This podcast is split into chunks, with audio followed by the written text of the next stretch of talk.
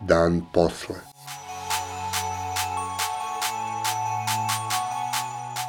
Podcast o krizi i njenim posledicama. Vi slušate četvrtu epizodu Dana posle, specijalnog dnevnog podcasta koji se bavi društvenim i političkim posledicama pandemije koronavirusa kod nas i u svetu. Juče su nam na konferenciji za medije doktori iz kriznog štaba za suzbijanje koronavirusa saopštili da je u prethodna 24 časa prisustvo virusa potvrđeno kod još 305 osoba, dok je virus bio fatalan za još njih osmoro. U istom danu, dočekujući avion kojim je iz Rusije stiglo još opreme i respiratora, premijerka Ana Brnabić se obratila javnosti rečima da je ovo najteži dan za Srbiju od početka epidemije i da nam, ako se zadese samo još tri ovakva dana, sva pomoć koju dobijamo neće biti dovoljna, jer će kapaciteti našeg zdravstva biti sasvim popunjeni. Oglasio se i ministar unutrašnjih poslova Nebojša Stefanović, zapretivši da će na već prazne ulice Beograda i svih drugih gradova u Srbiji, pored policije, izvesti žandarmeriju i specijalne jedinice. I dok nas sa svih strana bombarduju ovakvim porukama, teško je ostati pribran. Stiče se utisak da je koronavirus okupirao svaku oblast života i da se brže i lakše prenosi nego i jedna druga znana bolest. Ipak, stručnjaci upozoravaju da se zbog prirode savremenih medija u ovom vanrednom stanju strah širi brže od virusa. Zaraza strahom je evolucijski fenomen koji je odavno poznat nauci i postoji kod čoveka podjednako kao i kod drugih životinja. Kao krdo antilopa koje se daje u beg čim jedno od njih primeti lava, i ljudi su osetljivi na strah i paniku koju primete kod drugih. Zato treba imati u vidu da svojim strahom najpre možemo da zarazimo svoje bližnje, ali i oni nas. O strahu u doba korone, kao i o raznim drugim pitanjima vezanim za mentalno funkcionisanje u vanrednom stanju, razgovaramo sa psihologom Oliverom Toškovićem sa Filozofskog fakulteta u Beogradu.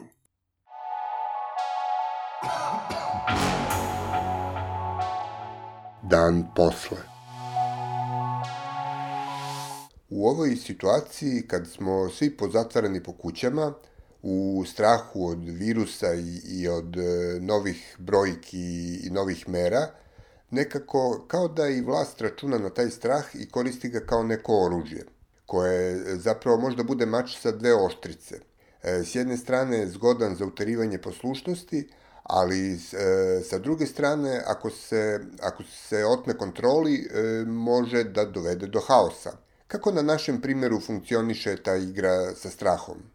Ja recimo prvo imam utisak da je e, strah i na nek, neka vrsta prefrigane represije, odnosno možemo čak i da kažemo moderne represije, dakle koja nije prevashodno vojna i oružana, nego je kroz medije i ekonomski pritisak i slično, da ova vlast to radi od svog početka. Dakle, imam utisak da je to njihov mehanizam i njihovo oružje kojim se bore protiv svega. Političkih neistomišljenika, protivnika, do raznih ono, sukoba koje su imali sa bilo čim i bilo kim. Dakle, sve probleme rešavaju na takav način.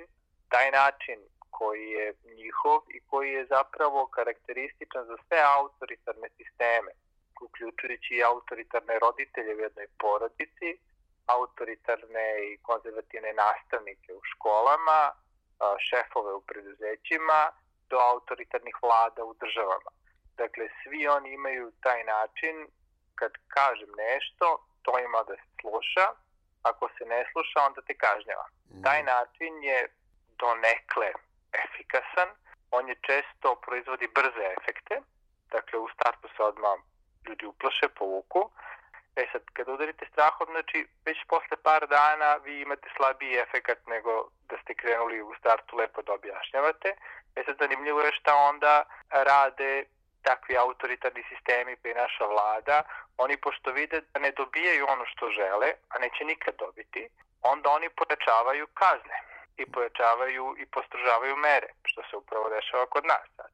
E, to postrožavanje mera je njihov opet isti taj način kao sa početka, ali tako pretimo, ali to opet dovodi do istog efekta kao i ovo prvo i onda vi stalno imate to zatezanje koje sa druge strane kod stanovništva ili kod dece, u slučaju roditelja, kako god, proizvodi razne negativne efekte, uključujući recimo i neku vrstu kod stanovništva, na primjer, kontriranja, pa nepoverenje, pa stalno pitate zašto nas oni prozivaju, zašto govore da smo ovakvi, onakvi, kad vi vidite da u vašoj okolini 90 nešto posto ljudi to poštuje. Pa recimo juče je predsjednik rekao eto da pohvalim 90 nešto posto ljudi građana nas poštuje, onda se tih 90 nešto posto ljudi pita pa čoveče mi to poštujemo, a ti nas sad zaključavaš za vikend još više.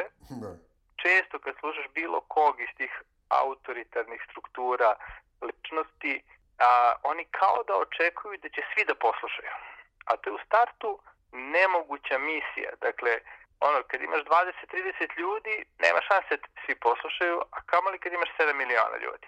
Ono što se često dešava u, u ovakvim kriznim vremenima jeste da se ljudi zbijaju oko vođe. Da sad se pokazalo u nekoliko zemalja merenje rejtinga je pokazalo da, da je čak i, i Trumpu porasla popularnost. Koliko se to dešava i u našem slučaju?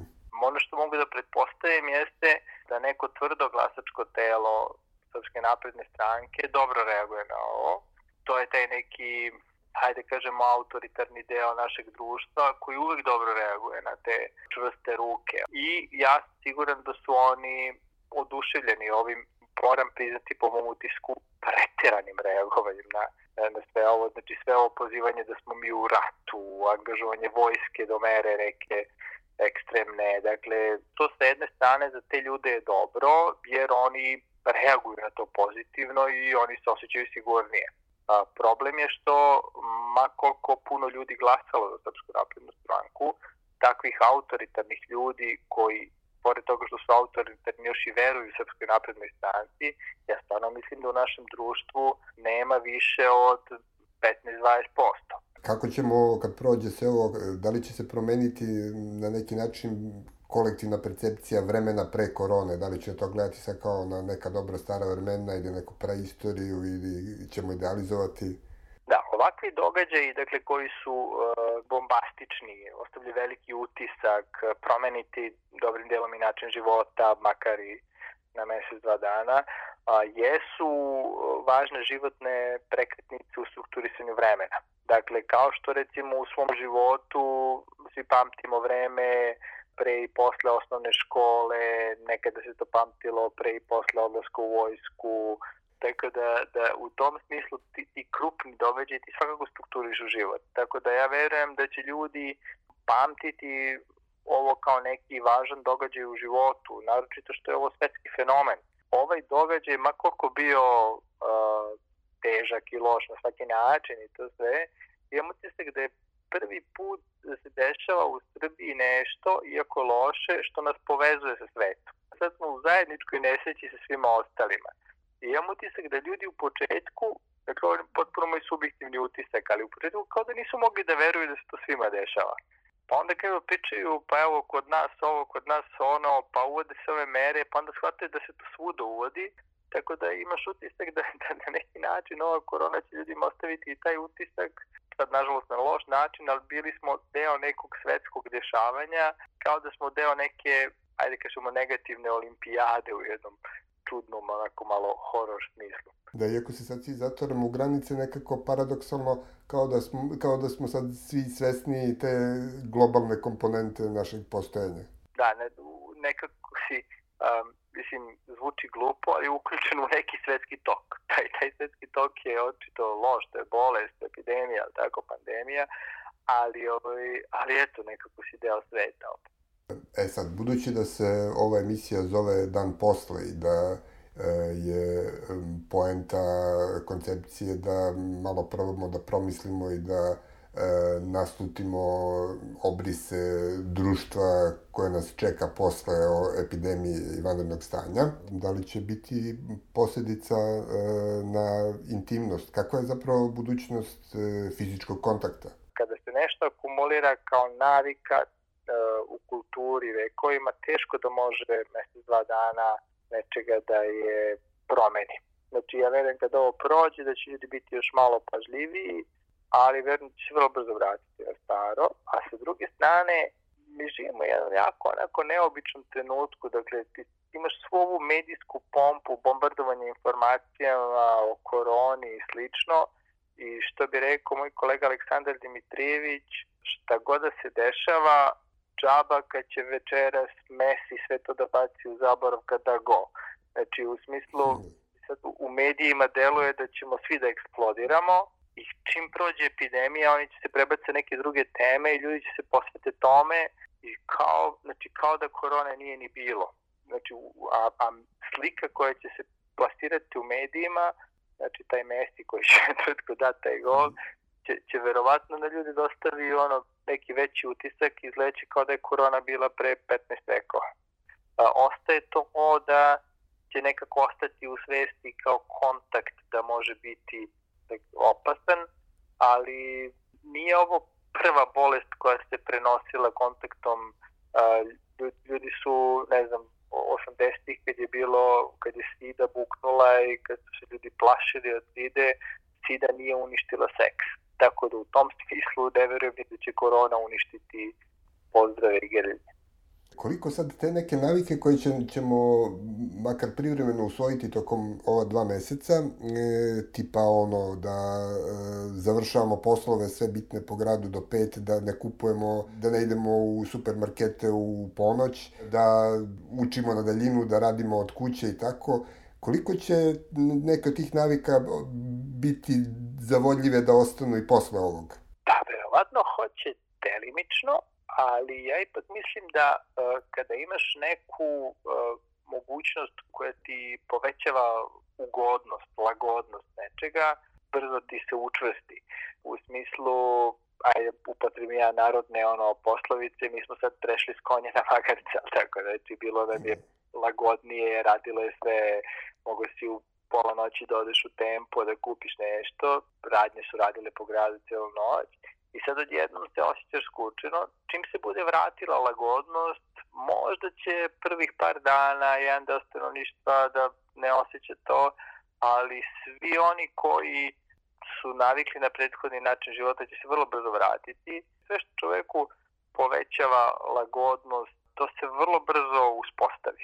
Šta se dešava sa buntom i, i potrebom ljudi da stanu u odbranu svojih interesa danas i šta će se dešavati sutra. Dakle, bunt juče, danas i sutra. Da li ljudi koji su nezadovoljni, da li, su, da li se u njima dešava ta neka vrsta ključanja koja čeka trenutak da dođe do, do tačke ključanja ili nam se možda svima dešava ono famozno kuvanje žabe na laganoj vatri?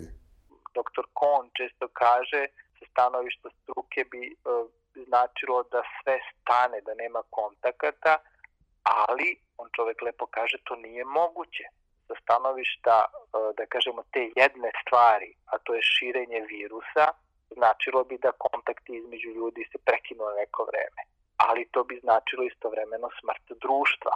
Kao da zamisliš pojedinca nekog koji sad dobije neku prehladu ili neki jači virus, nije bitno, i ti kažeš kako ću ga osloboditi virusa, pa sigurno ću ga osloboditi ako ga ubijem. Nezgodna je ova situacija jer se političko nezadovoljstvo koje je postojalo na neki način smo ga svi stavili u drugi plan, da pokušamo i sa svima nam je u prvom planu uh, epidemija i slično, međutim mi vidimo da i to je sad dvostruka oštrica vlade koja se igra time pokušavajući da zloupotrebi ovu situaciju pa je uhupsila novinarku u Anu, ali odmah je dobila reakciju, kontrareakciju i tako da u tom smislu mislim da je važno da svi ono, makar jednim okom budemo budni i da pazimo na te pokušaje, zloupotrebe, razgovori prosto na te teme takođe ne smeju da stanu. I mislim da su,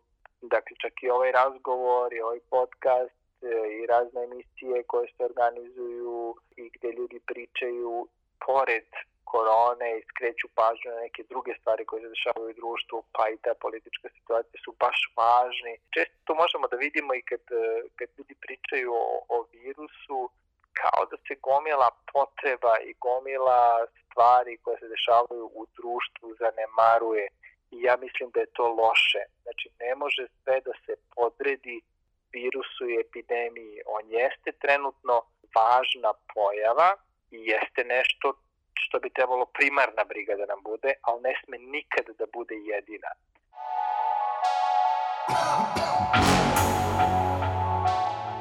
Dan posle Bila je ovo epizoda Dana posle za 4. april 2020. godine. Čujemo se sutra s novim vestima i novim sagovornikom. Pridržavajte se mera zaštite od koronavirusa, čuvajte svoj i tuđe živote i ne ćutite pred glupošću i nepravdom. Dan posle je specijalno izdanje Tačka ključanja, autorskog podcasta koji se realizuje uz podršku građanskih inicijativa. Redakcija Ilir Gaši, Tara Petrović i Aleksandar Gubaš. Urednik i voditelj Aleksandar Gubaš. Muzika Zeifol i Ben Sound.